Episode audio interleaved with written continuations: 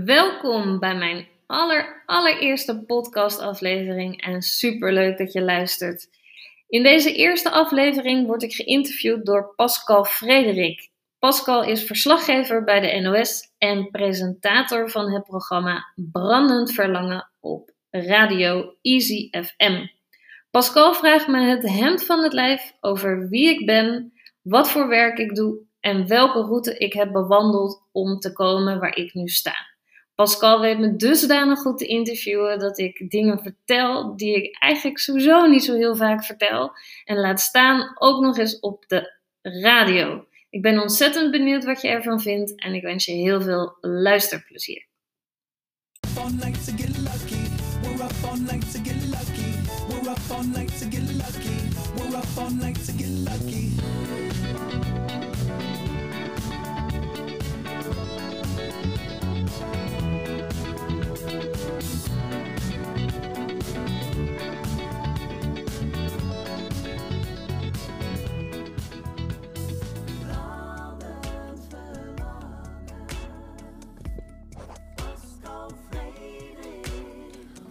Goedenavond, welkom bij Brandend Verlangen, de chille radiotalkshow op Easy FM 95.5. En ja, je, dat ik de muziek even stopzet, want ik wil even mijn aandacht vragen voor het volgende. We hebben namelijk een expert uit het veld die klanten helpt bij het um, zichtbaar maken van, uh, hoe zeg je dat, van hun diensten en hun producten. En daardoor worden ze makkelijker gevonden online, misschien zelfs ook wel offline. Een echte marketingkenner, een echte marketingstrateeg. Haar naam is Verlien Hatsman en we zijn blij dat we haar hier hebben in de studio. Welkom bij Brandend Verlangen. Ja, dankjewel Pascal. Kijk eens, ik doe het uh, vandaag even ietsje anders, omdat ik denk van, weet je wat, die inleiding moet even iets uh, spannender worden gemaakt, want dan weten ze van, er gaat iets gebeuren. Ja, want uh, ik, heb het, ik heb het een beetje uitgelegd als de, de expert op het gebied van zichtbaarheid. Mm -hmm. Klopt het ook zo? Of voel je dat zelf ook zo? Of omschrijf je jezelf iets anders? Ik, ja, ik zou zeggen expert op het gebied van zichtbaarheid om jezelf zichtbaar te maken om zo ideale klanten aan te trekken. Dus een nieuwe manier van verkopen, een nieuwe manier van sales. Juist, ja. ja, Oké. ja dus op zich.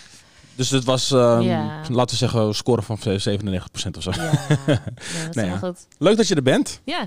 En uh, het eerste nummer, je, je kiest eigenlijk je nummers hè, die we vandaag gaan luisteren. Uh, je hebt uh, gekozen voor in ieder geval Get Lucky. Wat betekent dat nummer voor jou? Get Lucky is, uh, en dan voel ik me alweer oud als ik dit ga zeggen, maar ruim zes jaar geleden, uh, toen ik net mijn relatie kreeg met mijn vriend, woonden we, of hij woonde in het studentenhuis waar ik daarvoor zelf gewoond heb. Ja. En toen was net het nummer uitgebracht en toen uh, stonden wij regelmatig daar in de woonkamer op dit nummer uh, samen te dansen. Dus dat was echt de beginperiode van onze relatie. En, samen gelukkig zijn. Samen gelukkig, samen get lucky. En uh, ja, als ik aan dit nummer denk, dan uh, zie ik hem altijd dansen door, die, uh, door onze oude woonkamer in dat studentenhuis. Dus, dat klinkt heel gezellig. Ja, ja, ja. Good old memories van de feestjes van vroeger. Zeker, ja. Maar je zegt het alsof je heel oud bent. Maar dat roept bij mij dan de vraag op, hoe oud ben je dan? Ik ben 32. Dat valt dan toch reuze mee? Valt zeker mee. Maar ik bedoel ook, het is ook lang geleden dat we een feestje gehad hebben. Dus als ik het, ah, dat bedoel ik ook meer. Van, ja. Dus je gaat de tijd zometeen weer inhalen als dat alles weer mag. Als er weer een uh, festival is, dan uh, hoop ik daar zeker weer vooraan te staan. Ja. En wat voor soort festival zoek je dan uit? Um, ik vind Wildeburg is een, uh, een meerdaags festival. Um, ja, vind, vind, ik echt te gek. Uh, vooral meerdaags. Um, zodat je met, met een groep vrienden zit je dan echt in een festivalbubbel. Uh, je slaapt met z'n allen in een tentje. Je, je staat met elkaar op. Je bent redelijk brak meestal. Kopje koffie halen ergens. een beetje eten mm. regelen voor elkaar. Dansen. ja, helemaal in die, in die vibes. Ja. Helemaal in de vibe. Yes. En volgens mij zag ik online ook iets staan over jouw filosofie als het gaat om vibe en Tribe, als ik het goed zeg. Uh, ja, oh, dat is grappig dat je daarover begint. Vibe and Tribe is, de oude, is mijn oude bedrijfsnaam. Dat is de dus, oude bedrijfsnaam, ja, oké. Okay. Dus ik heb altijd al wel geloofd in op het, um, op het moment dat jij zelf in de vibe zit en de juiste energie uitstraalt, uh, dat je een tribe van mensen om je heen kan uh, verzamelen. Um, dus zo ben ik ooit begonnen. Uh, maar toen kwam ik er dus gaandeweg achter van het gaat om wie jij bent als persoon. Uh, om mijn eigen naam, Feline Hatsman. Uh, dus Vibe and Tribe heb ik achterwege gelaten. En het is uh, Feline Hatsman die ik dan nu zeg maar, de naam die ik elke keer gebruik. Is dat dan al eerste stap in jouw expertise van zichtbaarheid en je klanten daarbij helpen? Ja, zeker. Ja. Ik zeg ook altijd van joh, gebruik lekker je eigen naam en uh, niet allemaal fancy namen. Heb ik vroeger dus ook net zo goed gedaan. uh, maar wees gewoon lekker jezelf. Ja. Uh, kan je daar iets meer over vertellen? Want waarom is je naam bijvoorbeeld net zo, nee goed, niet net zo. Waarom is je naam dan belangrijker dan bijvoorbeeld een leus die aardig catchy kan zijn, waar mensen ja. ook een bepaald gevoel bij kunnen hebben? Um, nou, die leus is net zo belangrijk. Alleen als je bijvoorbeeld hebt over een website of je bedrijfsnaam, um, dan gaat het om mij, om, om Feline Hatsman. En je marketingboodschap, die heb ik natuurlijk ook wel. Ik help vakexperts um, klanten aantrekken door zichtbaar te zijn vanuit een marketingstrategie. Dus dan weten ze wel in één zin wie ik ben en wat ik doe. maar uh, ja, ik zou zeggen, zet jezelf voorop. Zet jezelf op de voorgrond en niet een andere. Maar, maar wat levert dat dan zeg maar meer op ten opzichte van bijvoorbeeld zo'n leus, waar mensen zich ook aan uh, kunnen uh, vastgrijpen? Nou, ik werk voornamelijk met, uh, met, met ZZP'ers. En daarvoor is het gewoon ontzettend belangrijk. jij bent je bedrijf, dus jij als persoon. Dus dan kan je wel. Een... Als ZZP'er in dit geval. Ja, dus dan kan je wel een, een, een andere bedrijfsnaam bedenken. Um, maar het gaat om jou. Mensen willen doen zaken met mensen. Dat is men. Uh, mm -hmm. um, ja, mensen doen zaken met mensen. Dus het gaat om relaties, het gaat om verbinding. En dus is het ook uh, erg belangrijk dat je jezelf op de voorgrond zet. En niet uh, een andere naam. Want dat onthouden mensen niet. Mensen onthouden wie jij bent. Jouw gezicht, jouw naam. En niet -hmm. een andere fancy. En waar, is dan, waar zijn deze feiten eigenlijk uit voortgekomen dan? Heb je dit, kan je dit aantonen aan de hand van feiten of onderzoek? Um, ja, zeker. Je hebt sowieso het uh, reptiele brein. Um, wij mensen gebruiken maar uh, voor 95% ons reptiele brein. Dus dat gaat allemaal op basis van intuïtie. Mm -hmm. um, en een gezicht of een gevoel bij iemand, bij een persoon, dat is wat blijft hangen. Uh, en de rest allemaal niet. Dat gaat allemaal in je onderbewustzijn. Het gezicht bedoel je dan? het, nou, dus ja, gewoon jouw fysieke uiterlijke kenmerken? Uh, ja, maar ook vooral het verhaal. Uh, dus welk mm -hmm. verhaal vertel jij aan andere mensen? Wat blijft hangen? Um, en um, dus het gaat niet op rationeel niveau dat je een beslissing maakt. Of ja. je bij iemand in een traject stapt bijvoorbeeld. Dat gaat op uh, intuïtief niveau vanuit het reptiele brein. Um, en uh, ja, dat brein wil je dus ook aanspreken op het moment dat je bezig bent uh, met jezelf te profileren.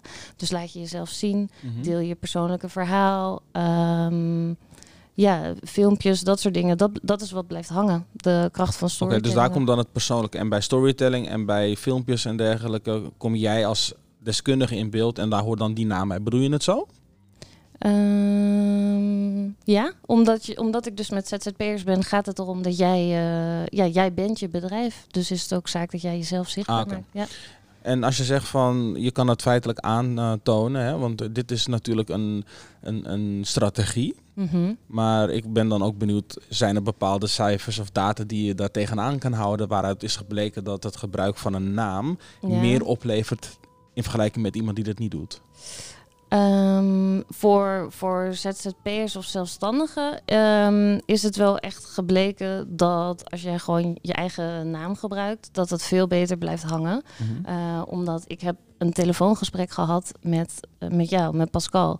Dus jouw naam blijft hangen. En heb jij dan een hele andere fancy naam daarachter, dat ben ik mm. weer vergeten. Want wij hebben gewoon contact gehad, wij hebben gebeld. Ik heb met jou als persoon gesproken. Dus is het mm. ook veel logischer dat dat blijft hangen en niet je, je andere bedrijfsnaam. Ja, dus dat voor, maar dan heb ik het dus echt over de ZZP'ers. Ja. ja, dat gedeelte begrijp ik. Uh, waar ik nog benieuwd naar ben, is of je dat ook kan hardmaken aan de hand van statistieken of het niet meer een gevoel is ten opzichte van een feit.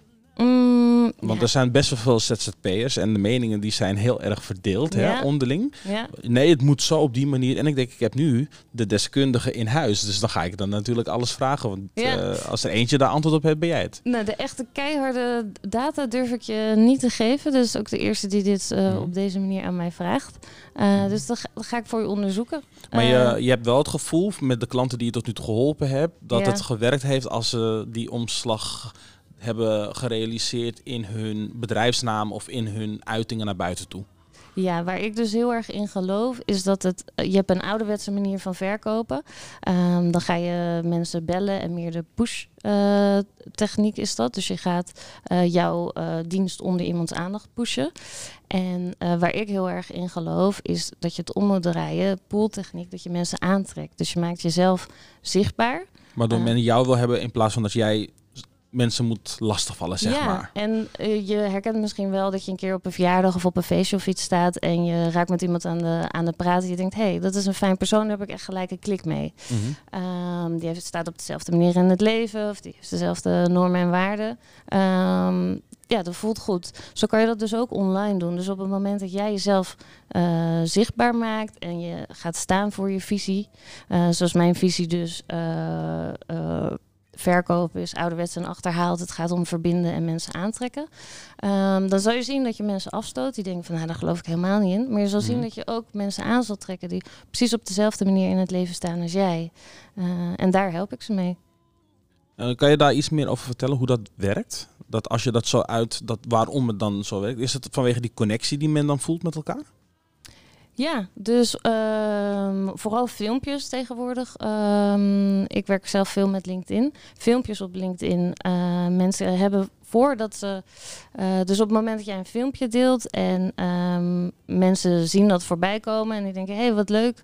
Uh, zij praat over interessante dingen. Of zij deelt een persoonlijk verhaal waar ik me ook in gehoord voel. Of dat zijn ook problemen waar ik tegenaan loop. Dan dan hebben mensen vaak het idee dat ze je al kennen. Uh, omdat ze je al vaker voorbij hebben zien komen op filmpjes. Dus dat maakt dat op het moment dat jij een, um, uh, een, een, aanbod doet voor je traject bijvoorbeeld, uh, dat mensen dat je vaak niet eens meer jezelf heel erg hoeft te verkopen in dat eerste gesprek. Mensen ja. zijn al ja, overstag, zeg dus maar. al weggenomen. Ze, ja. Oké, okay. Je, je bent dus coach, je begeleidt klanten. Maar ja. wie, wie is Verlien eigenlijk nog meer? Ja, wie ben ik? Nou, uh, 32 dus, hè, wat ik net zei. Ja, stiekem. Uh, stiekem, ja. uh, woon in Amsterdam samen met mijn vriend. En verder, nou, wat ik ook al zei, ik uh, hou van, van festivals. En um, verder vind ik kickboksen erg leuk om te doen. En spinnen, spinningklasjes. En we hebben een boot in Amsterdam. Dus daar afgelopen dagen met het heerlijke weer ook onwijs van genoten. Mm -hmm. De binnenstad op het water is natuurlijk echt te gek. En, uh, Waar kom je vandaan? Want je, ik heb begrepen dat je niet echt uit Amsterdam komt, hè? Nee. Nee, dat klopt. Um, ik ben uh, geboren in Houten. En toen ik uh, 12 was, dus toen ik naar de middelbare school uh, ging, toen ben ik verhuisd naar Soest. Mm. Um, daar mijn middelbare schooltijd gedaan. Dan gaan we zo, uh, ja, daar heb ik dus deze muziektijd of nummers die je zo, zo horen uh, komen die uit die tijd. Ja. ja. En uh, daarna naar Utrecht. Daar mijn studententijd en mijn studentenleven gehad. En toen ik dus net naar... Welke studie heb je gedaan? Uh, International Communication and Media. Ik heb hem alleen nooit afgemaakt. Oké, okay. why not? Why not? Um, ik heb die niet afgemaakt omdat ik, um, en dat is denk ik ook een van de redenen waarom ik zo geloof in jezelf zichtbaar maken en je verhalen te delen. Ik heb op mijn vijftiende een uh, traumatische ervaring meegemaakt. En daar heb ik heel lang mee doorgelopen en gedaan alsof er niks aan de hand was. Helemaal dichtgeklapt. Um, en toen op een gegeven moment had ik een posttraumatische stressstoornis.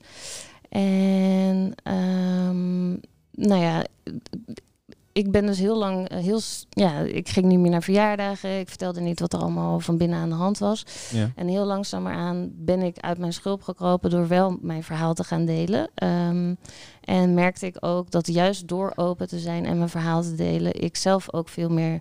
Uh, Waar heb je dat gedaan dan, dat delen? Dat delen was in eerste instantie natuurlijk um, bij een... Ook online of? Uh? Nee, nee, nee, nee. Sterker nog, dit is de eerste keer dat ik er zo open over praat. Oh, oké. Okay. Nou, uh, dankjewel. Ja. um, nee, niet online. Uh, dat is dan met, met, met, met vrienden of met de, met de psycholoog, dat soort dingen. Um, maar ik geloof er dus heel erg in dat als jij deelt wat er allemaal omgaat in jou dat, het je, ja, dat andere mensen je kunnen helpen en zich daarin gehoord voelen en dat je ook weer groeit als persoon. Um, de kracht daarvan. Ja. Dat, uh, Oké. Ja. En hoe ga je dan precies te werk? Want je hebt nu uitgelegd wie je bent en wat je doet. Mhm. Nou ja, goed, misschien is hoe je, hoe je te werk gaat een, een vraag voor zometeen. Ik denk dat dit een goed moment is om even weer naar de muziek te gaan. En dat we ook een cliffhanger hebben voor de luisteraars. Die denken, oh wacht even, maar zometeen gaan ze vertellen hoe ze nou al die ondernemers helpt om die zichtbaarheid te bereiken. Zodat de omzetten ook omhoog gaat en dat je klantenportefeuille kan worden uitgebreid. Wat, eh, wat vind je van dat plan? Helemaal goed. Ja, nou ja, dan, eh, dan gaan we hem gewoon eventjes op die manier doen. Eh, ze zitten lekker in, eh, mensen. Je hoort het. En er zijn leuke verhaaltjes die ze voor ons nog klaar heeft staan aan de hand van de muzikale keuzes die, zij gaat, die ze heeft gemaakt voor vandaag. Om dat ook te delen in de uitzending. En het nummer waar we nu naar gaan luisteren is een heel bijzonder nummer. Omdat het gaat om Lauren Hill en Carlos Santana. Nou, beide zijn denk ik giganten in de muziekindustrie. Ze hebben een samenwerking met elkaar, daar zijn ze aangegaan. Het is persoonlijk een van mijn favoriete nummers van dit album. Eh, jij zal ongetwijfeld dezelfde mening hebben, anders zou je hem voor vandaag niet hebben geselecteerd. En jij wil natuurlijk weten welk, dat nummer, welk nummer dat is. Het is het nummer To Zion, gezongen door Miss Lauren Hill en Carlos Santana. Ga niet weg, want Feline is just getting started.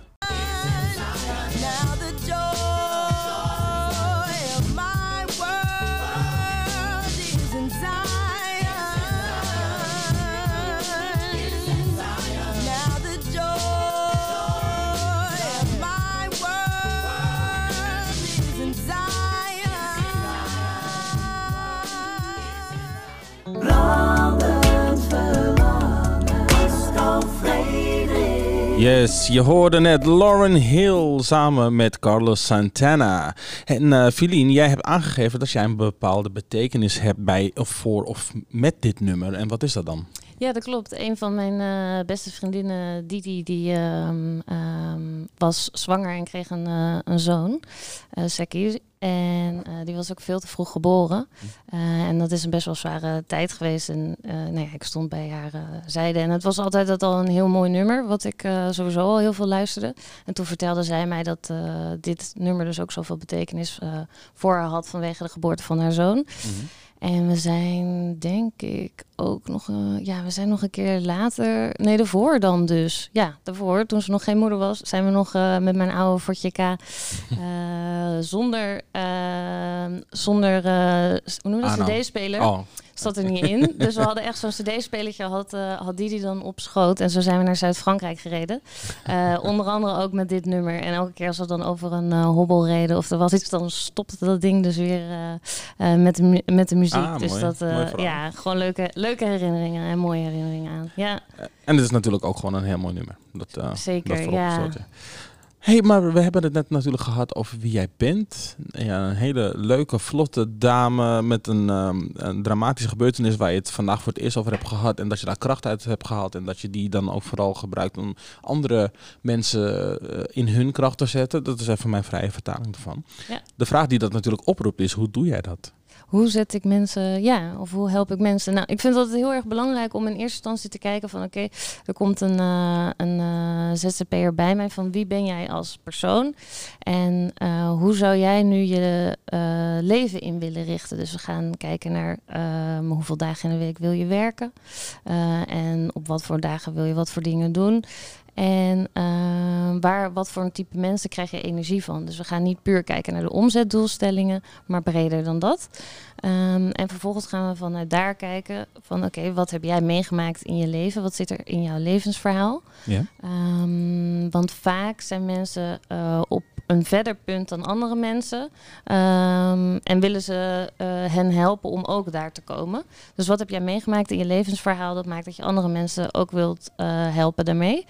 En dan gaan we op zoek naar de, naar de doelgroep. Dus wat is dan die uh, ideale klant? Dan gaan we een klantonderzoek doen. En dan vervolgens, als je, uh, als je dat onderzocht hebt, ga je kijken naar een strategisch aanbod. Dus welk aanbod past er dan bij? Ik werk veel met uh, trainers en coaches uh, binnen de zakelijke dienstverlening. Dus wel, wat voor soort training past er dan bij? Of hoe kan ik mijn trainingen zo opbouwen dat we eerst hè, met, een, met een kleine training beginnen, zodat mensen eerst kennis met me kunnen maken voordat ik mijn hele hele grote eh, project voor 25.000 euro bijvoorbeeld gelijk verkoop. Eh, dus dat is je strategisch aanbod. En dan Mhm. krijg je een contentstrategie, met name op LinkedIn. Dus wat is de boodschap die je over wil brengen aan je doelgroep? Wat zijn de problemen van je doelgroep? Wat zijn de verlangens van je, van je doelgroep? En daar ga je dan vooral over communiceren, want dat is eh, wat Mhm. blijft hangen bij ze. En dus door jezelf zichtbaar te maken hè? met Ja. filmpjes. Ehm, En wat, kan je me een voorbeeld geven van een van jouw filmpjes? Als je een filmpje maakt over hoe je mensen helpt bijvoorbeeld. Hoe ziet zo'n filmpje eruit? Ehm, een filmpje van mezelf bedoel je bijvoorbeeld? Of, sorry? Of maak, je, of maak je het juist van andere mensen? Eh, nee, ik, ehm, eh, ik, ik begeleid ze. Dus die mensen maken het, eh, nemen het gewoon zelf op. Eh, Als zij, oké, ja. ik, ik dacht even dat, dat jij in je eigen branding ook filmpjes van of voor jezelf maakte vandaar. Oh ja, nee, ik, ik, tuurlijk, ik gebruik zelf ook filmpjes. Ja, Mhm. zeker. Eh, dus voor mezelf maak ik filmpjes en vaak van eh, max een minuut. Want mensen hebben een korte, korte aandachtspannen. Ehm, waarin ik ehm, eh, eerst altijd heel goed na ga denken van... oké, welke boodschap wil ik overbrengen? En hoe kan ik die op een leuke, vlotte manier in een minuut overbrengen? Ehm, zo heb ik bijvoorbeeld een, een filmpje wat gaat over dat ik verkopen ouderwets en achterhaald vind. De manier waarop we dat doen. En dat ik veel meer geloof in eh, verbinden. En dat is dus dat je jezelf zichtbaar eh, kan maken. En wat ik net zei, hè, je hebt soms mensen bij wie je gelijk eh, al een klik voelt. Dat kan dus ook online. Op het moment dat jij jezelf zichtbaar maakt en je visie uitspreekt en gaat staan waar je voor, voor gelooft, dan zul je zien dat je de juiste mensen daar ook op aantrekt. Ehm, en ja, dat zijn vaak filmpjes waar ik eh, ook hartstikke leuke reacties op krijg. Omdat mensen zeggen van, hé hey, ja, dat is precies zoals ik dat ook voel. Ik voel me helemaal niet comfortabel bij eh, Mhm. echt verkopen. Eh, dus ja, Dan geef je jezelf als voorbeeld, ja. manier. Ja. Leer bij example. Uh, nog één vraag over het hoe. Ja. Um, ik probeer eigenlijk in een hele korte. Uh, in, ik probeer eigenlijk heel kort een idee te krijgen van: oké, okay, stel je voor, ik word klant bij jou. Wat doe je dan met mij? Hoe ga je met mij te werk? Uh, hoe ik met jou te werk ga is uh, een half jaar lang. En um, uh, we gaan een half jaar een traject aan. En dan beginnen we met de kick-off sessie. Dus wie ben jij als persoon en wat wil je neer gaan zetten met je bedrijf? -hmm. en waarom een half jaar? Omdat ik, ik vind het heel belangrijk dat ik er een half jaar lang voor jou ben. En dat we ook echt een samenwerking aangaan. Ik ben ook vaak een soort cheerleader. Um, nee, ik merk heel vaak, ja. Nee, wat ik, wat ik merk is, uh, het zit hem niet alleen in die, in die marketing skills en in die kennis die ik je overbreng. Van oké, okay, hoe moet je dat uh, zo'n strategie inrichten? De meerwaarde zit er echt in van oké, okay, ik moet buiten mijn comfortzone nu dingen gaan doen. Mezelf zichtbaar maken. Ik weet niet of je zelf nog weet hoe spannend je het vond uh, toen je bijvoorbeeld voor het eerst op de televisie of de radio kwam. Uh, wil, je, wil je mij eerlijk antwoorden? Dat ging eigenlijk uh, gewoon heel makkelijk. Ja? Ah, wat goed. Ja, ja, maar dat, dat, dat is natuurlijk niet gek. Want ik heb natuurlijk dat pad gekozen. Ja. En dat is wat ik wilde. En uh, toen ik mijn kans kreeg, heb ik hem genomen. Ja. Tuurlijk, eh, ik zeg niet dat ik geen spanning had. Of Nee. geen gezonde spanning. Ik weet wel, de eerste opname voor de televisie. Ja. Daar had ik het wel. Daar had ik wel zoiets van, oké, okay, nu gaat het gebeuren. Ja. Maar bij de radio moet ik eerlijk zeggen dat ik al vrij snel... Uh, kijk, bij EasyFM niet, want bij EasyFM was het toch nog best wel zoeken, ook met uh, techniek en zo. Ja. Maar de alle, alle, allereerste keer was nog op de lokale vrijwilligersomroep. Ja. Was het gewoon meteen, sta, meteen ja, gaan. ja. Maar ik snap wel wat je bedoelt. Het gaat om cold water en dat je misschien hier en daar nog uh, moet wennen en ervaring moet opdoen. En dan is het fijn dat je een cheerleader naast je hebt. Ja. Ja, zeker. Ik werk vooral met mensen die heel veel kennis hebben van hun eh, vak. Eh, heel veel vakexpertise, maar totaal niet van, eh, van marketing. En ehm, ook niet om zichzelf zichtbaar te maken. Dus dan krijg je allemaal, ja, vanuit mindset krijg je allemaal belemmerende overtuigingen. Of je saboteur die je veilig probeert te houden. Ja. Ik noem mijn saboteur die mij veilig probeert te houden, noem ik altijd gekke Gerda. Die begint Gerda. dan tegen me aan te kletsen van Vlien, wat ga je nou doen? En dan zeg je gekke Gerda, hou je waffel. Gekke Gerda, hou je mond. Ja, ja, ja. Ja, ehm, dus ehm, ja, die, die stemmen ehm, komen ook in het hoofd van mijn klant heel erg naar boven. Mhm. Uh, dus ik vind het heel erg belangrijk om ook dat stuk vooral uh, mee te pakken. Dus we hebben elke twee weken hebben we dan een, uh, een coaching call. En daartussendoor ben ik ook altijd bereikbaar. Ah, oké, ik snap je. Je- dus dat echt- heb je een half jaar nodig om ervoor te zorgen dat het een routine gaat worden en dat je niet vervalt in oude patronen waarschijnlijk. Ja, zeker. En ik vind het ook gewoon belangrijk. eh, ja, dat sowieso. En ik vind het belangrijk om, eh, om om dat, samen dat resultaat te gaan halen. En op korte termijn eh, ga je dat niet, eh, Realiseren. Nee. Maar ten opzichte van jouw expertise, je zegt net, marketing is niet voor alle ondernemers even makkelijk. Mhm. Eh, wat, wat maakt dat jij daar wel de geschikte persoon voor bent? Of dat je daar wel een expert in bent? Wat maakt dat ik een expert ben op het gebied van marketing? want je gaf net aan, je hebt je opleiding niet afgemaakt, maar je hebt waarschijnlijk op andere manieren je, eh, je, je sporen verdiend. Ja, nee, ik heb daarvoor heb ik wel een andere opleiding gedaan, marketing en communicatie. Die heb ik wel afgerond, dus dat, daar zit het natuurlijk al in. Oké. Eh, en toen International Communication and Media het eerste jaar.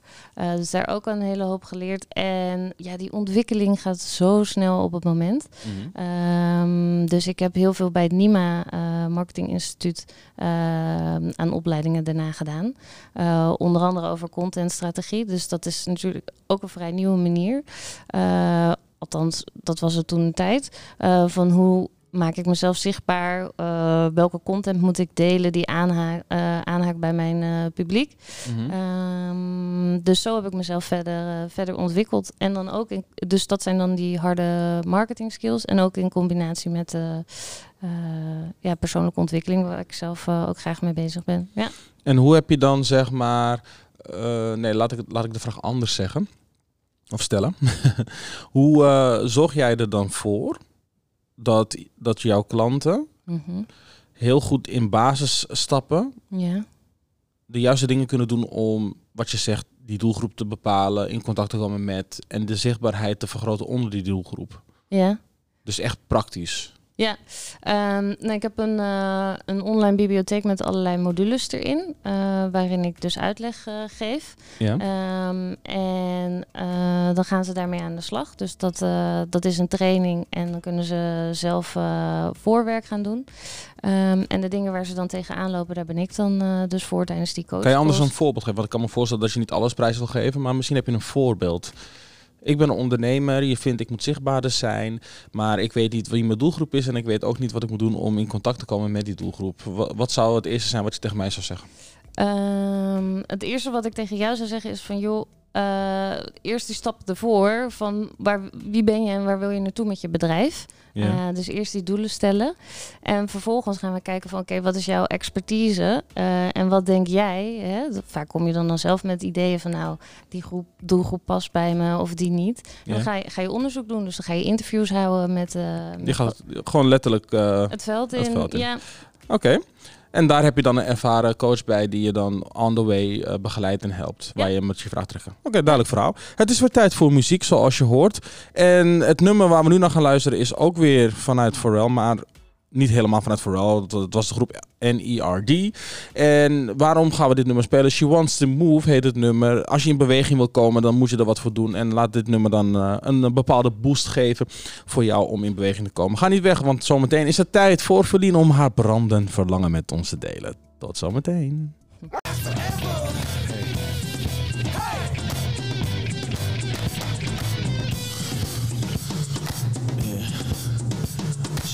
Part, girl. It's your part, girl. Come on. Ow. She wants. Man. She wants to move.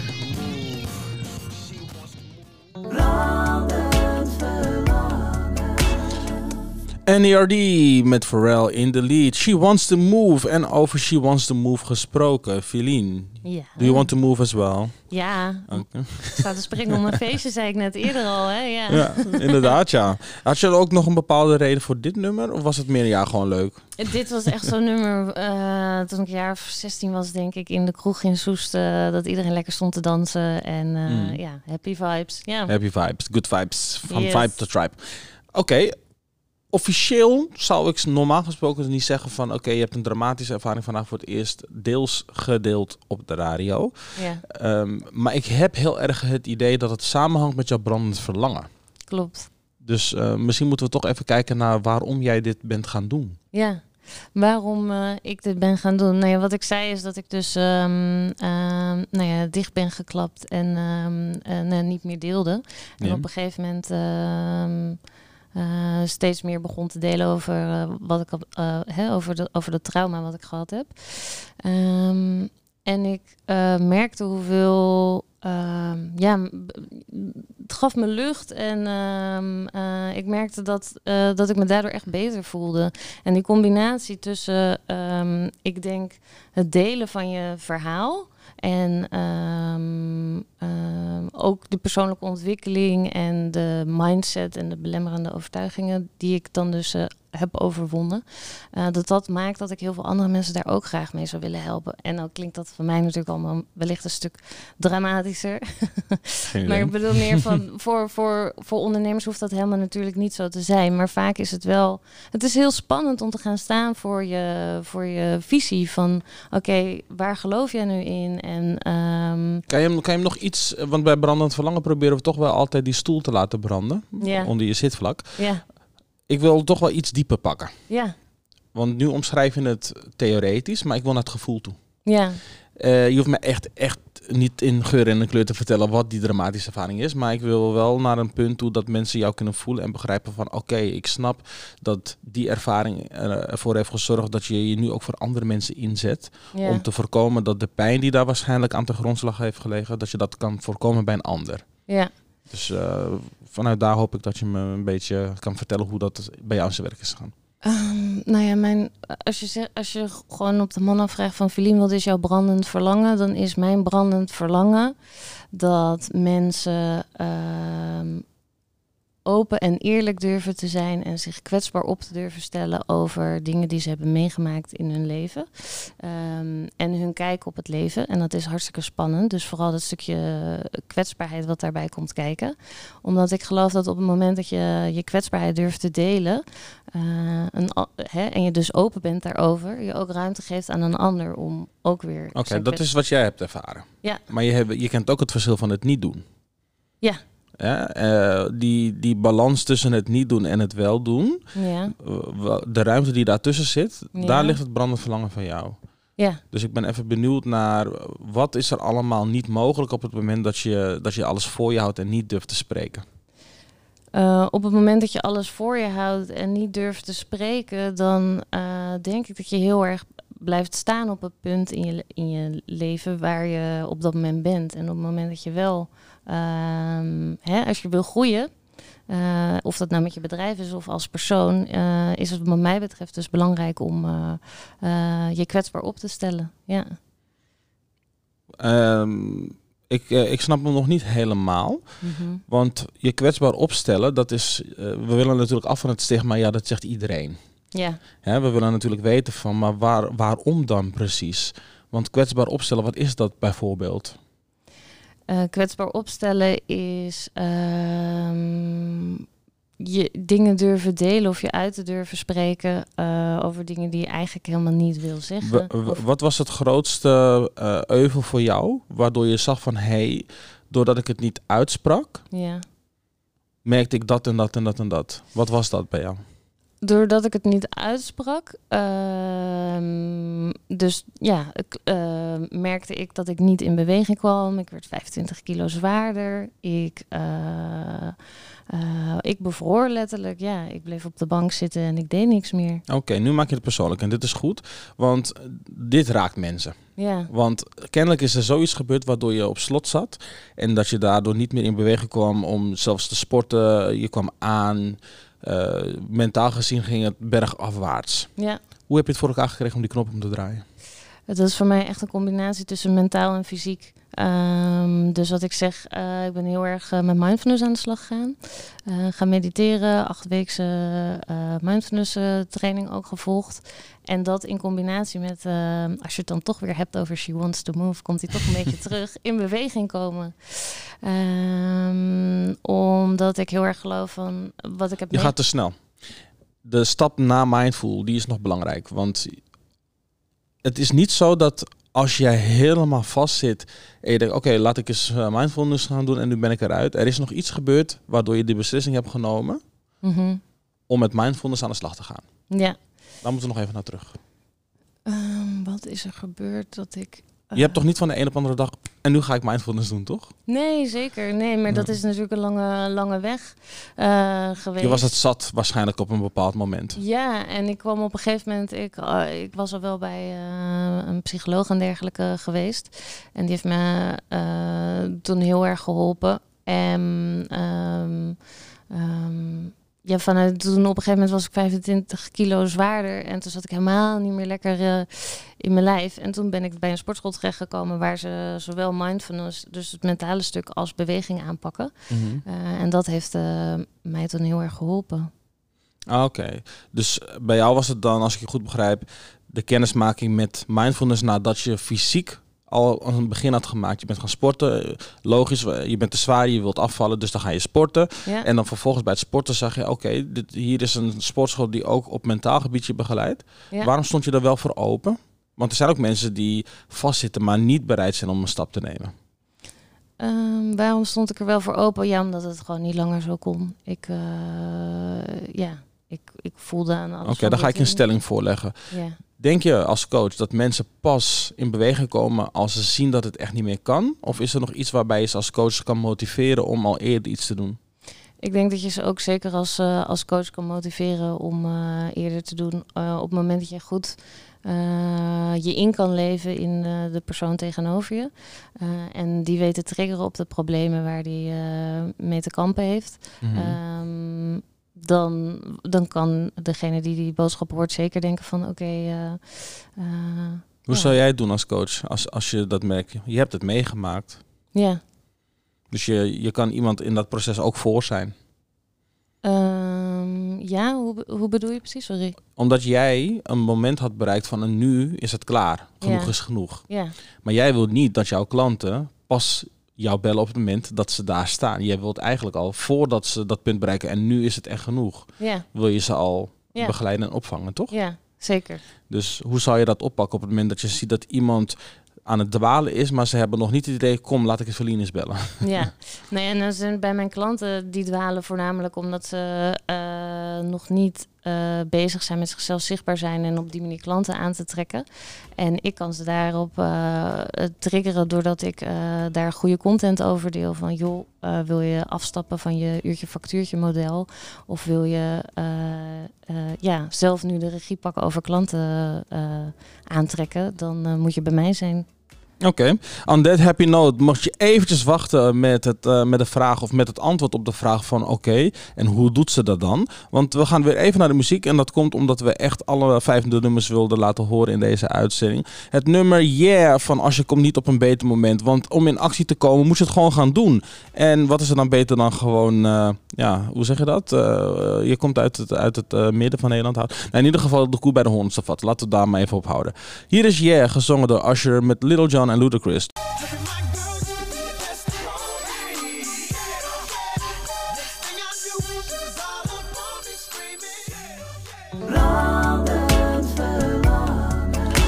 Ja, wij gaan gauw weer verder, want het verhaal van Verlien is natuurlijk te mooi om, eh, om aan voorbij te gaan. Eh, we hebben net natuurlijk in korte tijd het brandende verlangen gehoord. En eh, ik kan je alvast geruststellen als je denkt van nou weet je wat Pascal, normaal ga je dieper. Je hebt echt nog niet de kennis gepakt. Wij gaan zo meteen na de uitzending gewoon verder met een speciale podcast waarin we zonder muzikale onderbrekingen gewoon helemaal dat brandend verlangen gaan uitdiepen. Dus als je daar benieuwd naar bent, dan moet je straks gewoon naar YouTube gaan en het ehm, eh, de, de behind the scenes special met Verlien Hartsmans moet je dan gewoon eventjes eh, checken. En dan krijg je de full inside story. Nou, eh, we hebben het natuurlijk gehad over hoe je te werk bent gegaan. Eh, ik had gevraagd of je misschien nog een voorbeeld voor ons had, zodat het in één oogopslag duidelijk wordt voor mensen die denken, hé, hey, ik moet bij die Verlien zijn. Ja, Ehm, nou, ik heb een voorbeeld van een, eh, een klant bijvoorbeeld die bij me kwam en die eh, had geen idee bij welke doelgroep ze, ze nou moest zijn. Een, eh, een leiderschapstrainer binnen zakelijke dienstverlening. We zijn eerst in haar verhaal gedoken van oké, waarom wil je mensen helpen met wat je doet? En daaruit kwam dat ze zich dus vooral op eh, ehm, organisaties wil gaan richten die heel erg geloven in ehm, eh, een nieuwe manier van, eh, van werken. Dus eh, niet meer leiding geven van bovenaf, maar van onderaf. Dus hoe zorg je dat managers coachen in plaats van leiding geven? Dus hoe zorg je dat medewerkers zelf regie pakken ehm, en zelfleiderschap om eh, vanuit daar te groeien. Mhm. En dan groeien dus de medewerkers en de organisatie. Ehm, dus dat kwam al uit haar verhaal naar voren. En vervolgens zijn we gaan kijken van oké, welke doelgroep past er dan bij? Wie zijn er nu al bezig met die nieuwe manier van leiding geven? Ehm, dus dat zijn eh, eh, veel start-ups en scale-ups zijn er al mee bezig en binnen de IT-branche. Oké, en ehm, wie is dan degene die je daarvoor moet hebben? Is dat dan de directeur of de HR? Nou, zo zijn we dat eh, gaan onderzoeken samen. En daar heeft ze dus, is ze haar visie over uit gaan spreken. Hè, van hoe zij vindt dat organisaties nu op een andere manier kunnen, kunnen leiding geven. En vanuit daar zijn klanten aangetrokken. En eh, ja, dat is hartstikke gaaf. Ja. Oké. Eh, hoe lang doe je dit eigenlijk al? Nou, dat is, ik ben zelf, want dat is natuurlijk altijd wel mooi van, ik ben eerst ook begonnen met interim klussen en dan zat ik vaak een half jaar eh, binnen het MKB, eh, deed ik marketing. Ehm, en zat ik op eh, uurtje factuurtje basis daar en toen merkte ik van ja, er zit een plafond aan mijn inkomen. Ehm, en ik merkte ook dat ik niet altijd evenveel energie kreeg van de klanten waar ik dan soms een, een half jaar zat. Mhm. Dus wat ik nu aan het doen ben, echt die ZZP'ers begeleiden, is pas eh, sinds begin dit jaar. Ehm, dus eh 2021, ja, toen kwam een nieuwe website in de Dat lucht. je, dat je er volledig van eh, kon leven, om het maar zo te zeggen. Ja, ja, daarvoor leefde ik dus zeker ook Van wel de van mijn marketing en van de interimklussen. Maar dat ik echt mijn, eigenlijk mijn brandend verlangen dus eh, ben gaan doen, is sinds Mhm. begin dit jaar. Hoe heb je dat voor elkaar gekregen, Verdien? Ehm, doordat ik natuurlijk al wel een buffertje had om eh, vanuit, die, eh, vanuit die interim klussen. En ik voelde dus echt heel erg eh, van oké, ehm, ik, ik, ik was een administratiekantoor aan het helpen. ehm, en boodschap te verkondigen van word klant bij ons. Want we helpen je aan een gezonde financiële basis enzovoort. En vervolgens moest ik daar een jaar later nog steeds heel veel geld van krijgen. En toen dacht ik van, oei, wat je nu aan het doen bent, zijn niet...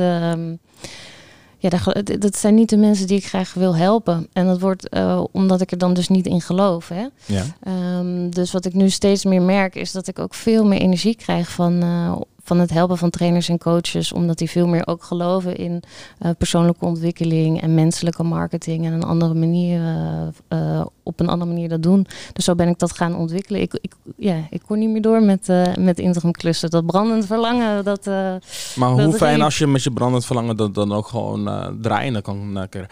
Ik ken een heleboel ondernemers die na jarenlang ondernemen nog steeds niet de juiste flow te pakken hebben van hey, al mijn producten verkopen of in ieder geval je basisproduct verkoopt. ja. Nou ja, goed, als ik jou goed hoor, moet je ervoor zorgen dat je zichtbaar bent, dat je je doelgroep kent en dat je weet welke taal je doelgroep spreekt en daar gehoor aan geven. Ja, zeker. En, eh, Maar hoe doe je dat dan? Hoe, hoe kom je daarachter? Je zegt dat je moet het veld ingaan, maar ja.